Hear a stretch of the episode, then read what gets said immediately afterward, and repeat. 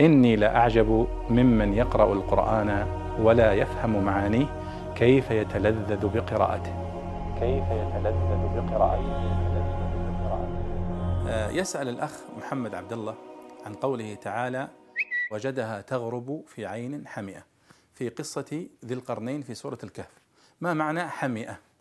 حمئة يا محمد معناها حامية شديدة الحرارة سود متغيرة اللون منتنة الرائحة.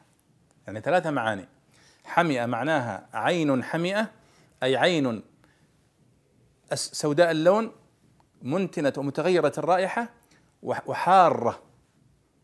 لأن فيها قراءتان حمئة وحامية. فوجدها تغرب في عين حامية. هذه قراءة أخرى سبعية. صحيحة. فإذا حمئة فيها ثلاثة معاني. شديدة الحرارة سوداء اللون ومتغيرة اللون ومنتنة الرائحة ومتغيرة. والآية معناها أن ذا القرنين عندما ذهب إلى آه إلى طرف الأرض أو مغرب الشمس وجدها تغرب الشمس في عين حمئة المفسرون يقولون أنه عندما يصل الإنسان إلى البحر ويرى البحر وامتداد البحر الشديد ومع غروب الشمس يرى أن هذه الشمس تغرب في البحر.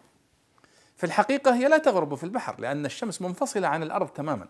لكن فيما يرى الرائي فيما يرى ذو القرنين أنها تغرب في البحر تغرب في عين حمئة يعني كأنها تغرب في هذا الماء الضخم ماء البحر وهو عبارة كأنه عين متغيرة اللون لأن ماء البحر فعلا أحيانا يشم منه رائحة يعني آه، آه، متغيرة وشديدة الحرارة.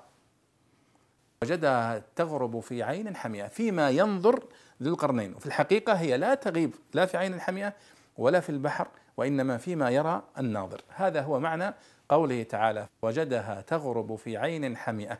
أي فيما يرى آه، ذو القرنين.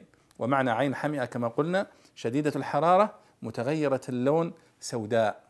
والله أعلم.